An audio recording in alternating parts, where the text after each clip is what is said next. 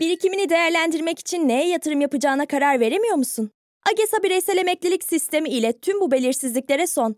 %30 devlet katkısı, geniş fon çeşitliliği ve uzman fon yönetimi sayesinde yatırımların hakkında daha iyi hissedeceksin. Kripto para dünyasının yeni kahramanı Bitiro ile tanışın. Türk lirası ile alım satım yapabileceğiniz bir kripto para borsası olan Bitiro, kripto dünyasında tüm kullanıcılarına rehberlik ediyor. Hadi siz de hemen Bitiro'ya üye olun, sıfır komisyonla kripto alım satım fırsatını kaçırmayın. Herkese merhaba, gündem belli. Akşener biliyorsunuz masayı terk etti. Deprem gündemi olanca yakıcılığıyla orta yerde dururken Akşener'in çıkışı siyasette de deprem etkisi yarattı.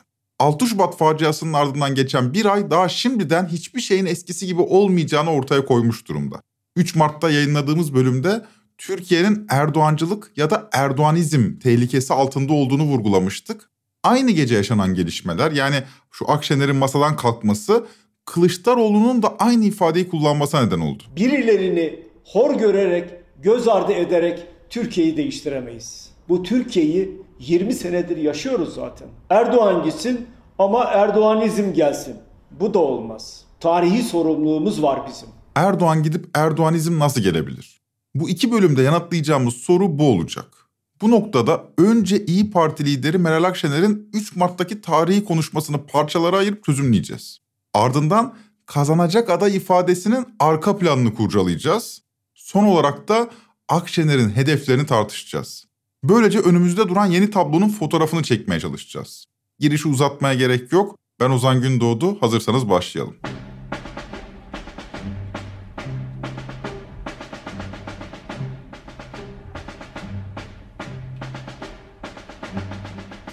Mart günü ortak Cumhurbaşkanı adayını belirlemek üzere bir araya gelen altılı masaya İyi Parti şert düşmüş, Akşener konuyu parti kurullarına götürmek üzere izin istemişti.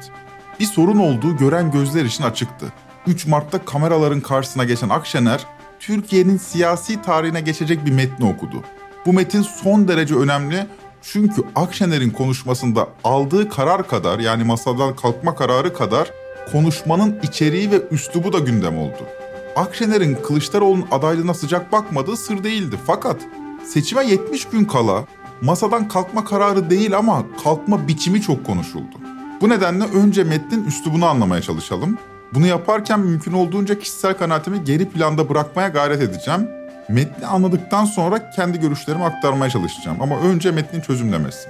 Akşener konuşmasının giriş kısmında arzu edilmeyen bir konuşma yapacağını farkında fakat sorumluluğun karşı tarafta olduğunu iddia ederek başlıyor. Geldiğimiz noktada İyi Parti bir kıskaca alınmış, bir dayatmaya mecbur bırakılmış, tıpkı yıllardır Türk milletine yapıldığı gibi ölüm ve sıtma arasında bir tercihe zorlanmıştır. Akşener'in masadan neden kalktığından çok masadan nasıl kalktığı daha büyük gündem oldu.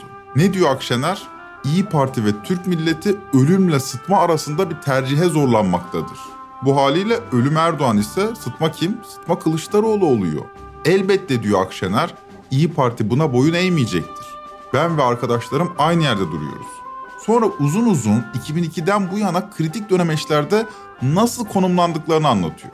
Burada referans verdiği tarihler 2010 referandumu, 2015 seçimleri, 2017 başkanlık referandumu, 2018 seçimleri ve 2019 yerel seçimleri. Yani diyor ki biz zaten tarihsel olarak Erdoğan'la aynı kampta değiliz, Erdoğan'ın karşısındayız. Her birinde kendisi adına tutarlı bir çizgiyi takip ettiklerini vurguluyor. Bunları anlatıp bugüne yani 2023'e geliyor. Biz bugün de tutarlı olacağız diyor. 2023 yılında yani Cumhuriyetimizin yeni asrında milletimiz Cumhuriyetimizin yıpratılan değerleri için tarumar edilen demokrasimiz için, pranga vurulan hürriyetimiz için bir büyük mücadele verirken ceketimi assam aday ederim diyenlerin karşısında da dimdik duruyoruz, durmaya da devam edeceğiz. Kabul edelim ya da etmeyelim, altılı masada bu zamana kadar liderlerin birbirine saygılı üslubu hakimdi. Konuşmayı canlı izledim ve bu kelimeler Akşener'in ağzından çıktığında masayı dağıtmaya çalıştığı ilk dakikalarda bence belli oldu. Dağıtmak demeyelim de hadi masadan kalkmak istediği diyelim.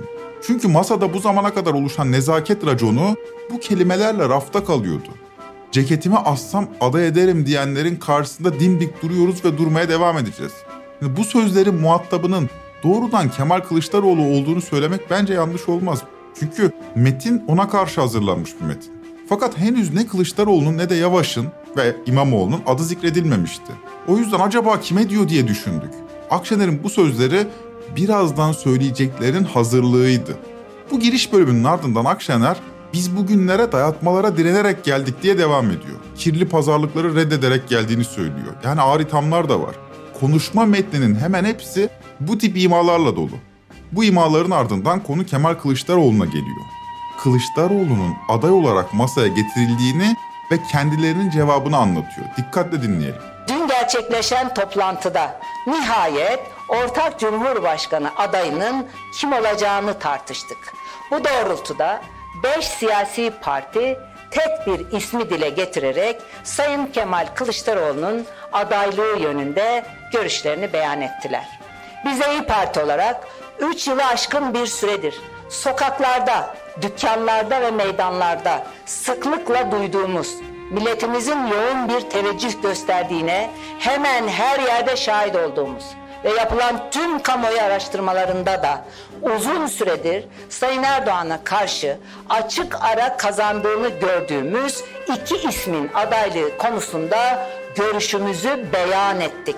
Bu iki isim Ankara Büyükşehir Belediye Başkanımız Sayın Mansur Yavaş ile İstanbul Büyükşehir Belediye Başkanımız Sayın Ekrem İmamoğlu'ydu. Bunun da yanında aday belirleme sürecinin sağlıklı yönetilmesi için her bir siyasi partinin ayrı ayrı belirleyeceği araştırma şirketlerinin yapacakları çalışmalar ışığında ortak Cumhurbaşkanı adayının veriye dayalı, rasyonel ve objektif bir usul ile belirlenmesini de önerdik.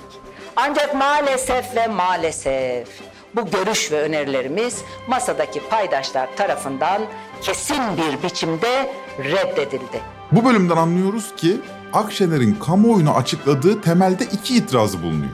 Diyor ki bizim sahada gördüğümüz isimler İmamoğlu ve Yavaş'tır. Bunlar kazanacak adaylardır. Kemal Kılıçdaroğlu kazanamaz. Ha kazanır diyorsanız gelin beraber anket yaptıralım. Kim önde çıkıyorsa onu belirleyelim. Kılıçdaroğlu birinci çıkıyorsa Kılıçdaroğlu olsun.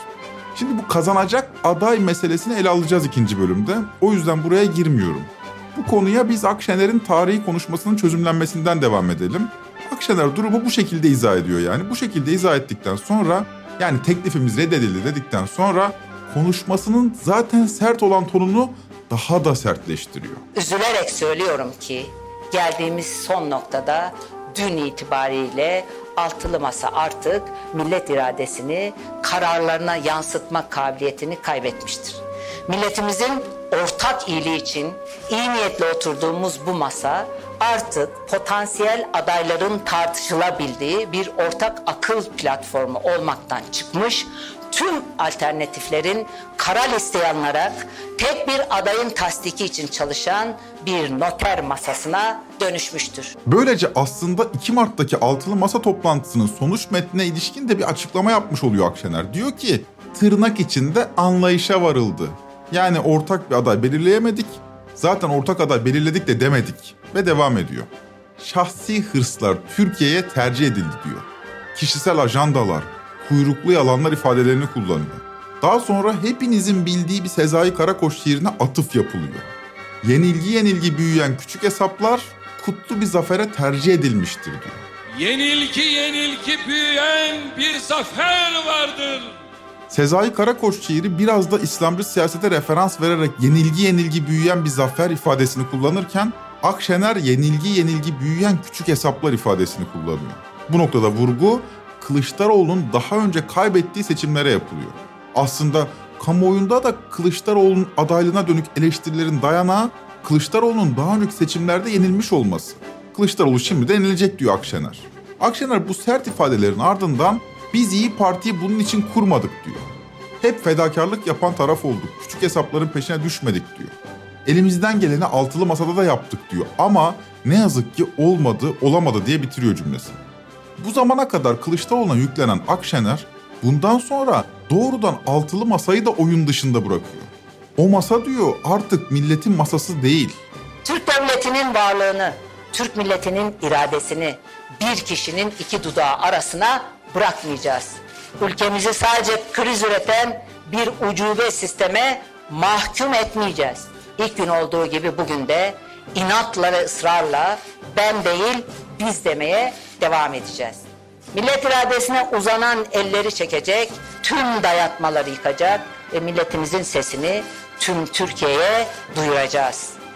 İşte bu yüzden burada sizlerin aracılığıyla Sayın Mansur Yavaş'a ve Sayın Ekrem İmamoğlu'na bir çağrıda bulunmak istiyorum.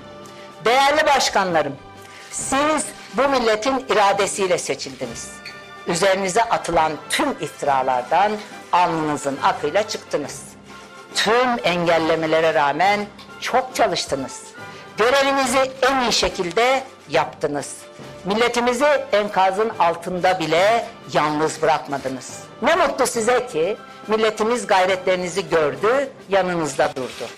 Milletimiz samimiyetinizi anladı, başının üstünde taşıdı. Masa artık millet iradesinin kararlarını yansıtma kabiliyetini kaybetmiştir ifadesindeki millet iradesinden kasıt bana kalırsa ikiye ayrılabilir. Birincisi millet iradesi Kılıçdaroğlu demiyor, millet Yavaş'ı veya İmamoğlu'nu istiyor şeklinde özetlenebilecek kazanacak aday siyaseti. Bir de şöyle bakılabilir. Biz olmadan o masa milletin iradesini temsil edemez iddiası var. Kısmen bu iddiada da haklı çünkü bir temsili var İyi Parti'nin milliyetçi, biraz daha seküler bir tabanı var. Ancak öyle ya da böyle bana kalırsa Akşener'in kullandığı en sert ifade de buydu. Henüz dün oturduğu masadan bu masa artık millet iradesini yansıtmıyor diye kalktı. Gerekçesi ise bu zamana kadar tali bir konu sayılan ortak aday meselesiydi. Cumhur İttifakı'nın masasına daha önce kumar masası demişti. Altılı masayı da noter masası olarak anarak iki tarafın da dışında kaldığını açıklamış oldu. Öte yandan masanın hazırladığı tüm metinlerde imzası olduğunu hatırlattı ve imzalarının da arkasında olduğunu söyledi. Bu arada az buz şey demedi yani. Masanın bir hükümet programı bile var. Ortak Politikalar Mütabakat Metni adında 2300 maddelik bir hükümet programının altında Akşener'in de imzası var. Yani aynı şeyi vaat edeceğini söyleyen bir kişi Akşener ortak aday ile. Bu noktada Akşener imza attık ama Türk milletinin iradesinin de önünde değilim diyerek hamasi tonu biraz koyu bir tirat atarak İmamoğlu ve Yavaş'a sesleniyor. Konuşmanın en ilginç kısımlarından biri de bu zaten. Size de ateşten bir gömlek giymeyi vazife kılmıştır. Bu vazife Cumhuriyetimizin yeni asrının şafağında yepyeni bir sayfa açma vazifesidir.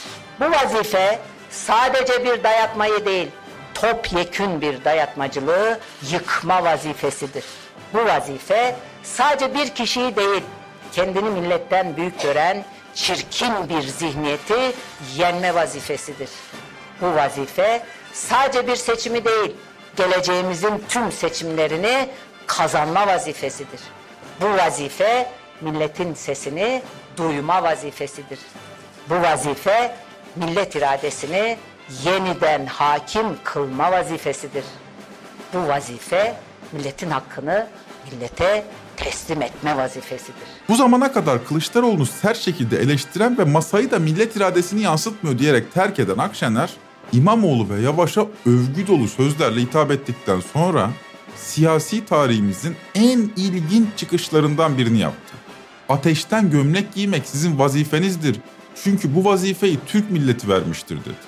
Akşener açık açık CHP üyesi iki belediye başkanına genel başkanınızı ezip geçin ve gelin Cumhurbaşkanı adayı olun dedi ve sözlerini şöyle bitirdi. Bu saatten sonra bizlere düşen bir seçim yapmaktır. Ya ışıl ışıl bir güneşin altında dimdik duracağız ya da uzayan gölgelerde kaybolacağız. Ya şanlı bir mücadelede milyonlarla yürüyeceğiz ya da trajik bir hikayede figüranlık yapacağız. Ez cümle ya tarih yazacağız ya da tarih olacağız. İnanıyorum ki hep birlikte tarih yazacağız. Teşekkür ederim.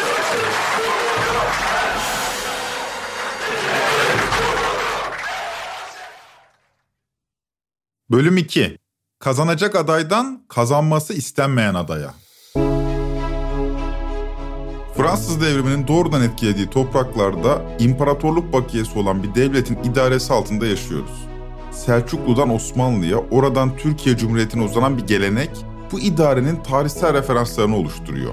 Daha gerisini sahiplenmiyoruz. Yani en yeniden en eskiye doğru sayayım. işte Bizans, Hititler, Frigyalılar, Lidyalılar tam olarak sahiplendiğimiz devlet geleneği değil. Hatta bu gelenekleri fetihçi bir anlayışla anıyor, bu geleneğin mirasını yabancı sayıyoruz. Bu noktada devletlerimize bir kimlik inşa ediyoruz ve onları Türk İslam devletleri olarak anıyoruz. Cari dönemin halk kesimleri de kendisine Müslüman ve Türk dediği için mevcut devlet geleneğiyle kendisini özdeşleştiriyor. Devlet ve millet aynı kimlikte bir araya geliyor. Belki de bu yüzden Cumhuriyetimize sayı vermeyi devlete bir saygısızlık sayıyoruz. Fransızlar mesela tam tersi 1789 öncesi yani devrim öncesi kraliyet Fransa'sını kutsamıyorlar. Hatta Cumhuriyet'ten sonra krallık tek adamlık deneyimi de yaşadıkları için cumhuriyetlerine sayı da veriyorlar. İşte birinci, ikinci, üçüncü cumhuriyet gibi. Geçmişte bizde de bu gelenek ortaya çıkmış aslında. Fransa'dan bir öykünme olduğu belli. Mesela 27 Mayıs 1960 darbesinden sonra Milli Birlik Komitesi yönetimi döneminde ikinci cumhuriyet ifadesi kullanılmış daha önce. Fakat o ifade geniş anlamda karşılık bulmamış. Yani halk kesimlerinde 27 Mayıs'tan sonra ortaya çıkan rejime ikinci cumhuriyet denilmemiş. Ama sisteme dönük tüm eleştiriler öze dönüş şeklinde yorumlandığı için sayı vermek yanlış anlaşılmış. Yani hepsi zaten ilk kurucu cumhuriyete referans veriyor. O yüzden sayı vermek tuhafsanmış. Bu zamana dönük müesses nizamın organizasyondaki tüm değişiklikler ilk cumhuriyete referans verdiği için yani hiçbiri kendine ikinci cumhuriyet demiyor. Zaten ilki biziz diyorlar ama çok ciddi değişiyor bir yandan da. Ardından 90'larda bir başka tartışma başlıyor. Liberal sol tandanslı bir grup aydın, yazar, gazeteci daha 1960'daki ikinci cumhuriyet tartışmasından tümüyle bağımsız başka bir ikinci cumhuriyetçilik tartışması başlatıyorlar. Bu ifadeyi ilk kullanan Wikipedia'ya göre Mehmet Altan. Yani kaynaktan emin değilim onu not edeyim ama Mehmet Altan olduğu söyleniyor. Fakat şu gerçek bu ekip Cumhuriyet'in yeterince çoğulcu olmadığını, bazı kimliklerin devletle merkez çevre ilişkisi kurduğunu söylüyor. Çevrede kalıp böyle merkeze yaklaşamayan, çevrede bırakılan kimliklerin başı çekenleri işte Kürtler, Aleviler ve İslami kesimler.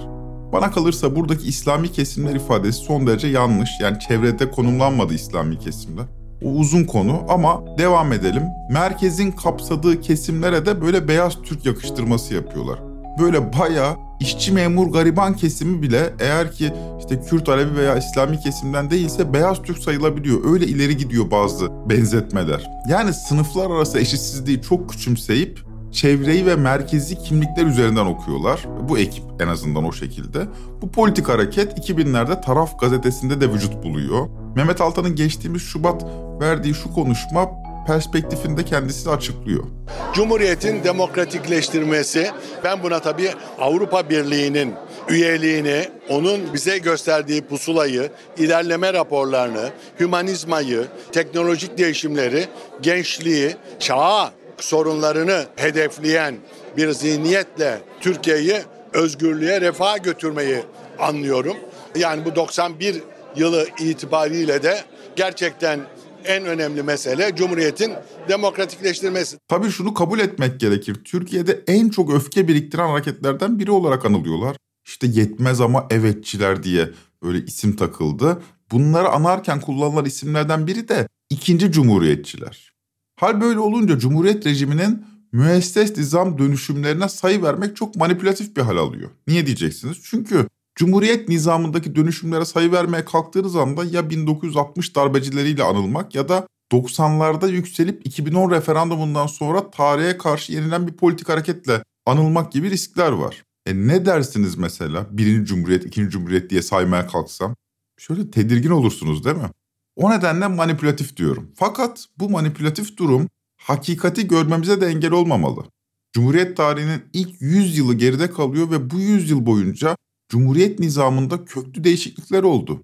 Bu değişikliklerin hepsi kurucu değerlere referans verdi tamam ama kurucu değerler de bugünkü duygusundan çok kaybetti. Mesela 1946 bir dönüşümdü. 1960, 1971, 1980 bu dönüşümlerin hepsinde referans kurucu değerlerdi. Atatürk, Misak-ı Milli, Lozan, laiklik, milliyetçilik gibi. Fakat hepsi bu kurucu sembollere sahip çıkmakla beraber çok farklı egemenler bloğu oluşturdu.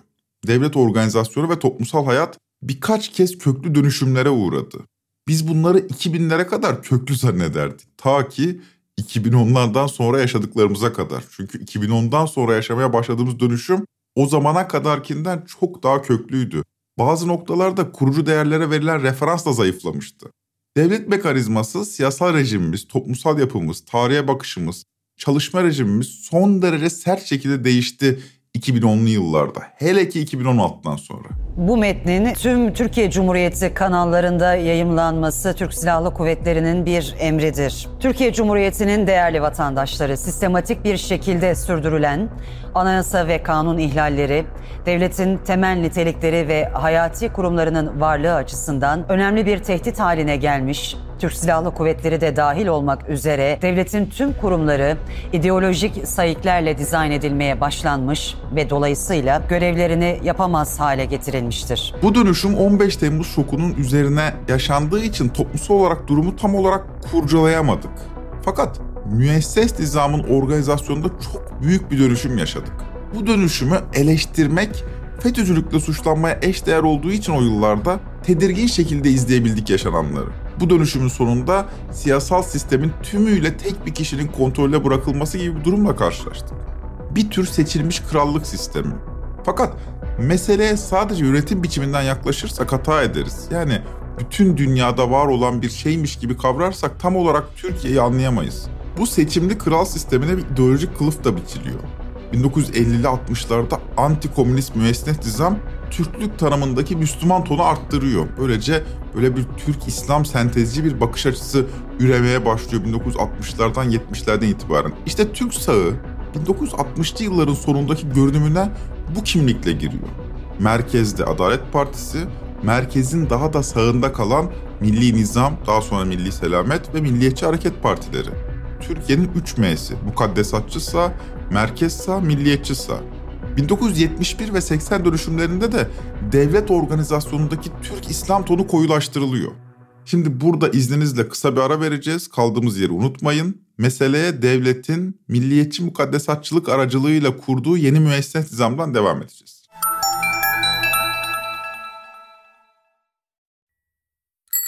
Altın bir yükselse Aslında her ay atacaksın kenara 3-5. Evi arabayı satıp bas sen güven bana.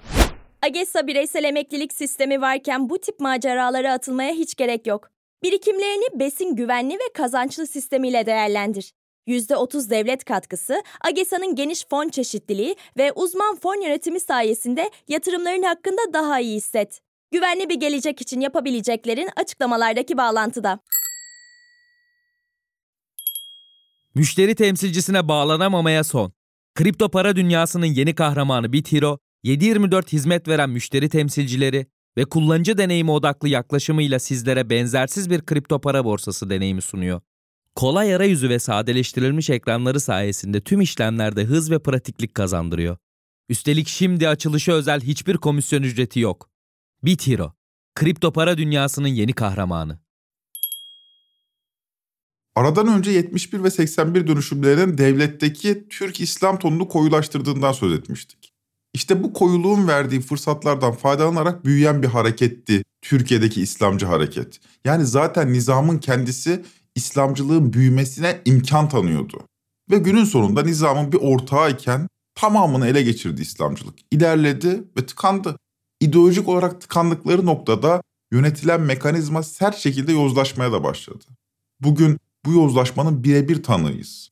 3 ve 4 Mart'ta Twitter'ın trend topik konularından biri Hatay'daki su sorunuydu. İçme suyu sorunu vardı kentte. Şikayetlerin ardı arkası kesilmiyordu. Eve giremiyoruz. Banyo yapamıyoruz. Tuvalet yok, bir şey yok. 20 gündür biz banyo yapmamışız ya.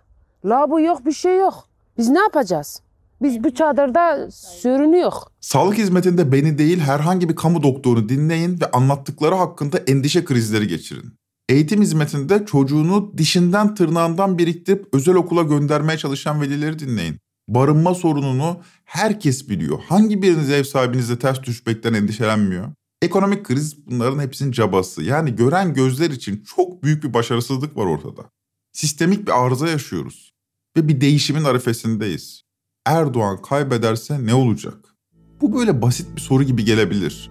Erdoğan kaybeder, başka biri gelir vesaire gibi düşünebilirsiniz. Ama bu çok büyük bir soru arkadaşlar. Ecevit kaybederse ne olacak diye bir soru hiç sormadık. Başka biri gelirdi. Demirel için veya herhangi bir başkası için de sormadık. Bizde devletin organize edilme biçimindeki köklü değişimleri genelde asker yaptı ve asker normale döndürdü. Dolayısıyla halka bir karar düşmedi. Aziz yurttaşlarım, bir defa daha belirtiyorum ki silahlı kuvvetler, aziz Türk milletinin hakkı olan refah ve mutluluğu, vatan ve milletin bütünlüğü ve gittikçe etkisi azaltılmaya çalışılan Atatürk ilkelerine yeniden güç ve işlerlik kazandırmak, kendi kendini kontrol edemeyen demokrasiyi sağlam temeller üzerine oturtmak, kaybolan devlet otoritesini yeniden tesis etmek için yönetime el koymak zorunda kalmıştır. Darbe ya da muhtıra olur, nizam bir ters yüz edilir, sonra asker çekilir, teker dönmeye devam ederdi. Fakat bu sefer durum farklı. Çok geniş yetkilerle donatılmış bir başkanlık sistemine geçtik. O yüzden çok büyük soru Erdoğan giderse ne olacak sorusu. Bu nedenle başta Cumhuriyete sayı vermekten bahsettim. Eğer bir sayı vermek icap ediyorsa ilk kez bu kadar icap ediyor. Erdoğan'dan sonraki cumhuriyetle önceki cumhuriyet arasında dağlar kadar fark var ve öncekini ihya etmek gibi bir şey imkansız. Altını tekrar çiziyorum, imkansız. Nizamın tüm sigorta sistemini askere emanet eden, askerin de ideolojik bir sorumluluğu olduğu, fakat bu nizamın da yozlaşmaya son derece müsait bir yapısı olduğu bir şey. Bunu nasıl ihya edelim? Niye ihya edelim? Yani onu unutalım. İhya etmek isteseniz bile etmenizin pek mümkün olmadığı bir şey bu. E bu nizama da devam edemiyoruz. Çünkü bu da tümüyle ama tümüyle Erdoğan'ın kendisine göre organize edilmiş bir mekanizma. Yani Erdoğan'ın değişmesi halinde bu mekanizmayı başka kimse idare edemez. Hani diyorlar ya iktidar çevreleri, bunlar devlet yönetemez diye. Aslında doğru söylüyorlar. Devletin bu biçimiyle organize olduğu bir sistemde Erdoğan'dan başka kimse bu devleti yönetemez. Bir sayı vermek gerekirse bu sistemde Erdoğan'ın olmadığı cumhuriyete ikinci cumhuriyet diyebiliriz. Bunu bugün demeyiz ama gelecekte böyle anabiliriz. Çünkü ister istemez köklü bir dönüşüm yaşayacağız Erdoğan'dan sonra. Hep söylediğim gibi tarih bizi öyle bir noktaya getirmiştir ki ülkemizin kaderiyle partimizin kaderi adeta bütünleşmiştir. Bu yüzden bu sorunun cevabı İmamoğlu kazansın çünkü Karadenizli hem muhafazakarlardan da oy alır. Yavaş kazansın milliyetçi muhafazakar kesim ona oy verir ama dur Kürtlerden oy alamaz gibi basit olamaz. Kamuoyu meselenin öneminin bu boyda olduğunu fark etmeyerek hayalinden geçen adayı belirleyebilir. Kimi Alevi diye Kılıçdaroğlu'nu tutar, kimi Karadenizli diye İmamoğlu'nu. Yavaş eski ülkücü işte onlar da onu tutar. İşte bir biçimiyle bunları tutabilirsiniz. Fakat bana kalırsa meselemiz bu kadar apolitik değil. Çok büyük bir dönüşümden söz ediyoruz. Bu dönüşüm ne yönde olacak? Hızlı bir dönüşüm süreci mi yoksa yumuşak bir geçiş mi? İkisi arasındaki fark sadece zamanla ilgili değil. Egemenlik gücünün ne yönde ve nasıl kullanılacağı ile de ilgili. O yüzden tekraren belirteyim mesele yalnızca Erdoğan'ın yerine kimin geçeceği değil. İkinci yüzyıl ya da Türkiye yüzyıl tartışmalarını siz bir de bu pencereden okuyun. Yepyeni bir şafağın alacakaranlığındayız. Bu nedenle şu kazanacak aday meselesine biraz derinlikli yaklaşalım. İki yıldır da benim söylediğim bir şey daha var. Kazanacak bir aday. Bu seçimi kazanmak zorundayız. Bu seçimi kaybedemeyiz. Sizce CHP lideri Kemal Kılıçdaroğlu kazanacak bir aday mıdır kriterlerinizde? Ama yani bu şimdi çok iyi bir soru olmadı. Yapılan tüm kamuoyu araştırmalarında da uzun süredir Sayın Erdoğan'a karşı açık ara kazandığını gördüğümüz iki ismin adaylığı konusunda görüşümüzü beyan ettik. Kazanacak aday. Bu ifadenin anlamını biliyoruz. Kemal Kılıçdaroğlu kazanamazın kibarcası bu. Neden böyle diyorum? Çünkü bu pazar seçim olsa kime oy verirsiniz sorusuna cevap veren halk kesimlerine göre en yüksek oyu Mansur Yavaş alıyor. Burada uzun uzun şirket araştırması sunmak istemiyorum ama biliyorsunuz işte Mansur Bey en önde. Erdoğan karşısındaki oyu %57'ye kadar çıkıyor. Hemen hepsinde Erdoğan'ın önünde. İmamoğlu onun hemen arkasından geliyor. Değişken bir grafiği var. Bir ara çok düşmüştü ama şimdi toparlandı. An itibariyle Yavaş'ın hemen arkasında ikinci sırada İmamoğlu var.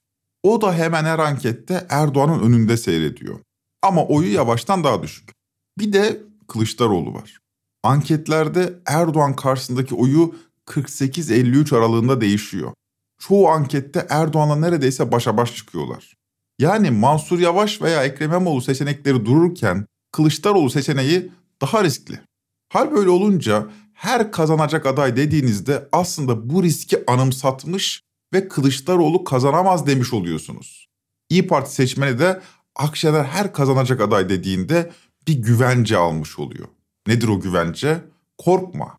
Kılıçdaroğlu kazanamayacağı için Kılıçdaroğlu'na onay vermeyeceğiz. Yani Akşener'le kendi hedef kitlesi arasında bir tür şifre gibiydi kazanacak aday ifadesi. Şu anlama geliyordu. Biliyorum Kılıçdaroğlu'ndansa Yavaş veya İmamoğlu'nu istiyorsunuz. Ben sizin bu konudaki sözcünüz konumundayım. Kazanacak adayı destekliyorum. Yani Kılıçdaroğlu'nu desteklemiyorum. Dolayısıyla kazanacak aday ifadesi Kılıçdaroğlu karşıtı bir kampanyanın sloganı haline gelmiş oluyor. Böylece Akşener gözlediğim kadarıyla bir tür temsilci pozisyona da yükseldi. Kılıçdaroğlu aday olsa Kılıçdaroğlu'na oy verecek olan ama İmamoğlu ve Yavaş aday olsa gönlü daha rahat edecek olan. Yani hepsine oy verir ama İmamoğlu ve Yavaş'a daha rahat oy verecek bir seçmen kitlesi bu kampanya boyunca sürekli zinde tutuldu. Yani bu üç aday içinde puanlama yöntemiyle oy verse kişiler Kılıçdaroğlu'na en az puanı verecek olan bir grup sürekli tahrik edildi. Ama günün sonunda Erdoğan'a değil Kılıçdaroğlu'na vereceklerdi. Kazanacak aday tartışması gündemde tutuldukça sokaktaki vatandaşın Akşener izin vermeyecek Kılıçdaroğlu'na sözünü daha sık duymaya başladık. Akşener de bu kesimlerin güvendiği bir aktöre dönüştü. Kazanması en az istenen adamın Kılıçdaroğlu olduğu kesimlere sürekli bir kampanya ile güvence verildi. Biz kazanacak aday istiyoruz. Dolayısıyla Kılıçdaroğlu'nu istemiyoruz. Başkanım bir ricam var. Buyurun. Size yalvarıyorum. Buyurun. Altılı masadan. Gerekirse ayaklarınıza kapanayım. Altılı masadan kazanacak Cumhurbaşkanını çıkarın. Başbakanımız sizsiniz. Biz halk olarak, Cumhurbaşkanı olarak Mansur Bey'i istiyoruz. Başkanım size yalvarıyorum. Kazanmayacak insanı sakın kabul etmeyin. Sakın bizi bir daha bir kuyunun içine atmayın. Umudumuz sizsiniz size yalvarıyorum. Yalvarıyorum başkanım ben. Kazanacak aday tartışması bir süre sonra kazanması istenmeyen adaya dönüşmüştü. Öyle bir nefret kampanyasına dönüştü ki iş. Kazansa bile mutlu olunmayacak. Kazandığı takdirde ehveni şer kabul edilecek. Koltuk düşkünü, yaşlı bunak diye anılmaya başladı. Muhalefetin adaylarından biri.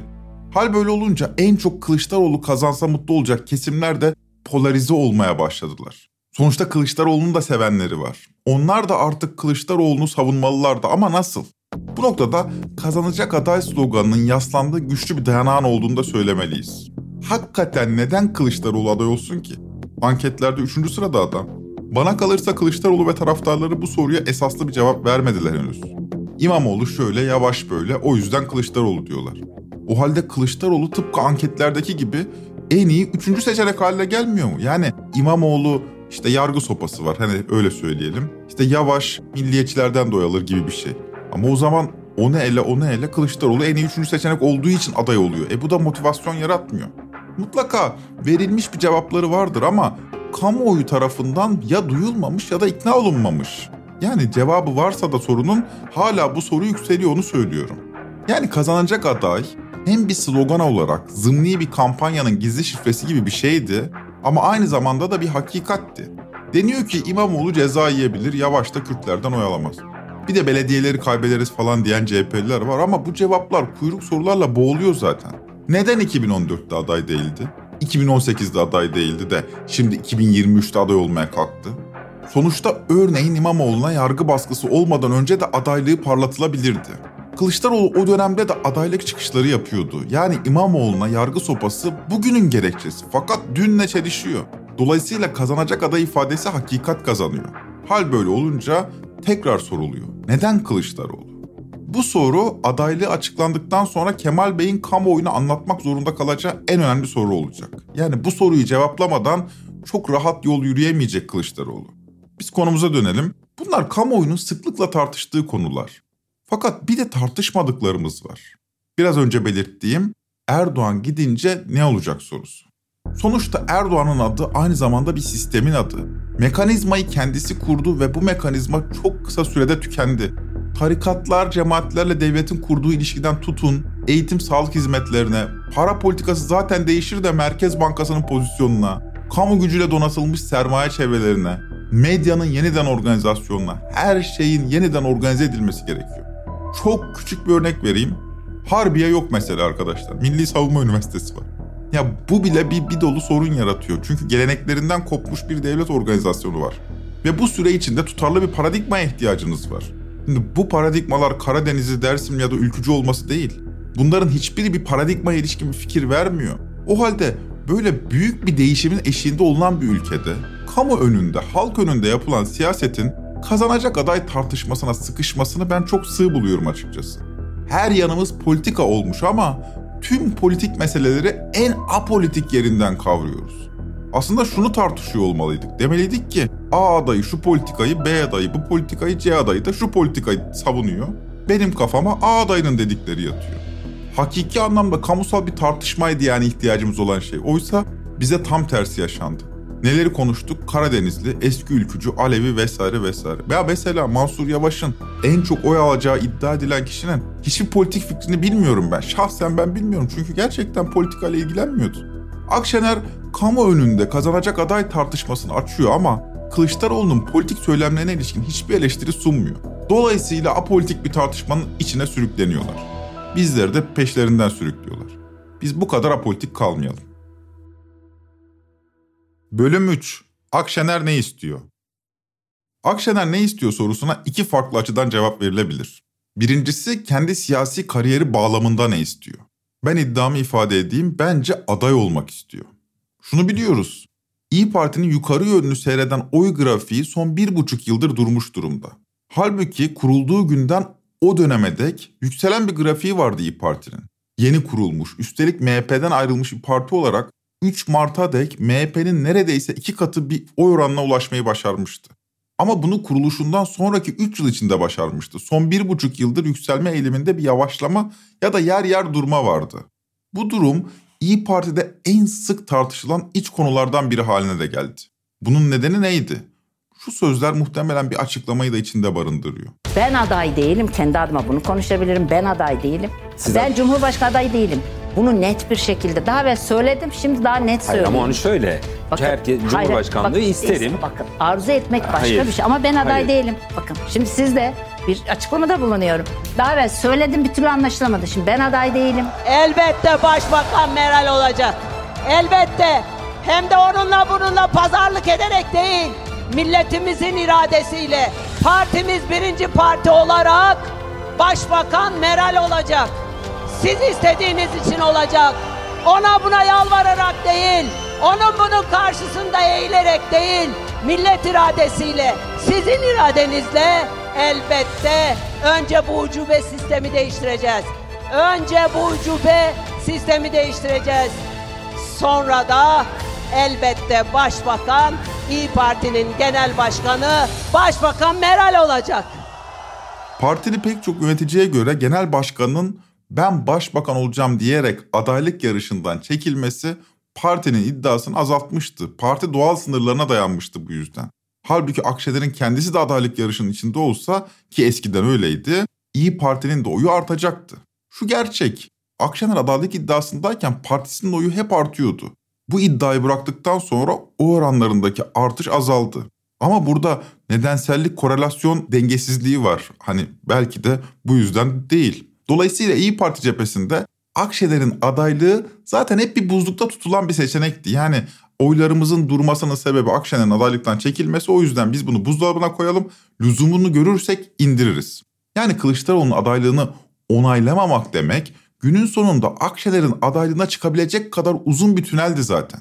Nitekim şu an tam da öyle oldu. Akşener, İmamoğlu ve Yavaş'ı öyle tuhaf biçimde adaylığa çağırdı ki o an itibariyle Akşener'in adaylığı çok büyük bir olasılık haline geldi. O an itibariyle. İmamoğlu ve Yavaş o çağrıya ne diyecekti? Tamam olur biz Cumhurbaşkanlığı sürecinde genel başkanımızla yarışalım. Bu böyle olacak iş değildi ki. Ne diyeceğiz adama?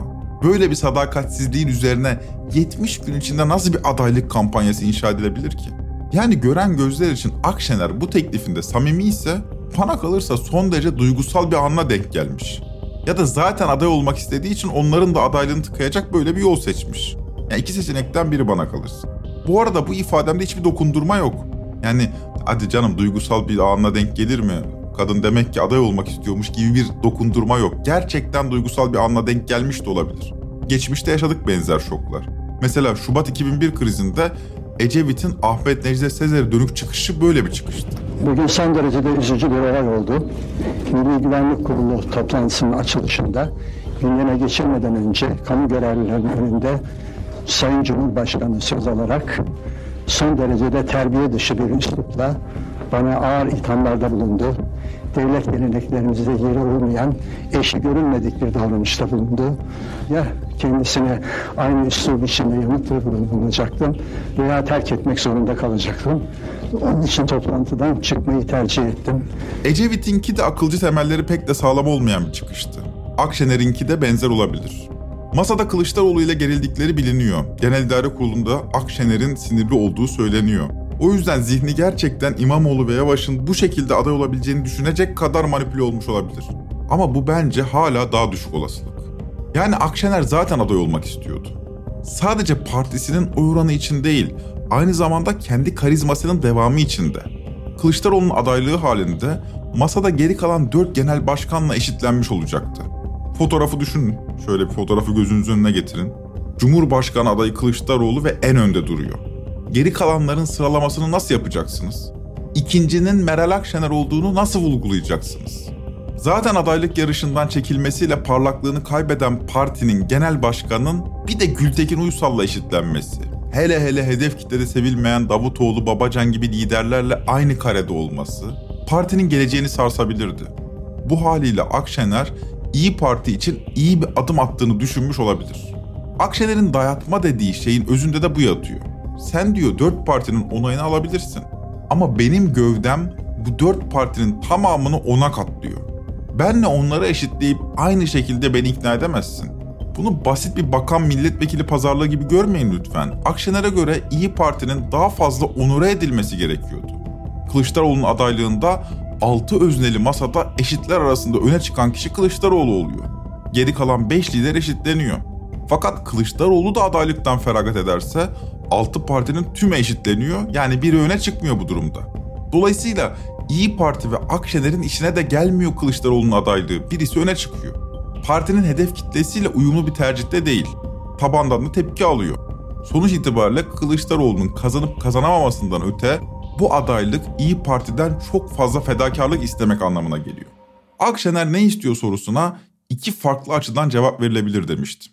Biri Akşener'in siyasi kariyer açısındandı. Bu kadar cevap verdik herhalde yeter. Bir de müesnet nizam meselesi var. İşin daha tumturaklı boyutu da orası.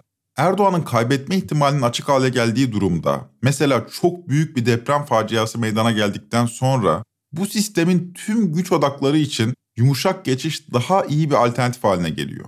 Akşener yumuşak geçişi mi temsil ediyor? Eğer öyleyse özellikle deprem faciasından sonra Akşener'in siyasal kariyerindeki hedeflerle bu nizamın güçlülerinin çıkarları aynı anda ortaklaşmış olurdu. Dakikaların bile uzun sürdüğü günlerden geçiyoruz. Bu bölümü hazırlarken yani 6 Mart'ta İyi Parti'nin İmamoğlu ve Yavaş'ın Cumhurbaşkanı yardımcısı olması önerisini masaya ilettiğini gördük.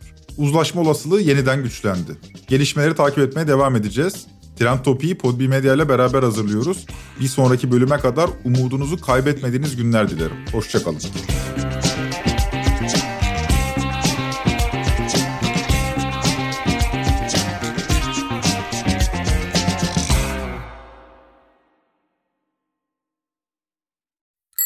AGESA bireysel emeklilik sistemindeki %30 devlet katkısı, geniş fon çeşitliliği ve finansal danışmanlık hizmetleri ile güvenli ve kazançlı bir şekilde yatırım yapabilirsin. Yatırımların hakkında iyi hissetmek için detaylı bilgi açıklamalardaki bağlantıda seni bekliyor. BitHero'da alım satım emirleriniz anında gerçekleşir. Çünkü BitHero'da 6 milyon kullanıcı ile birlikte kripto para alıp satabilirsiniz. Üstelik sunduğu yüzden fazla kripto para seçeneği sayesinde yatırım alanlarınızı da genişletiyor. Siz de BitHero'ya üye olun, kriptonun kahramanı olun.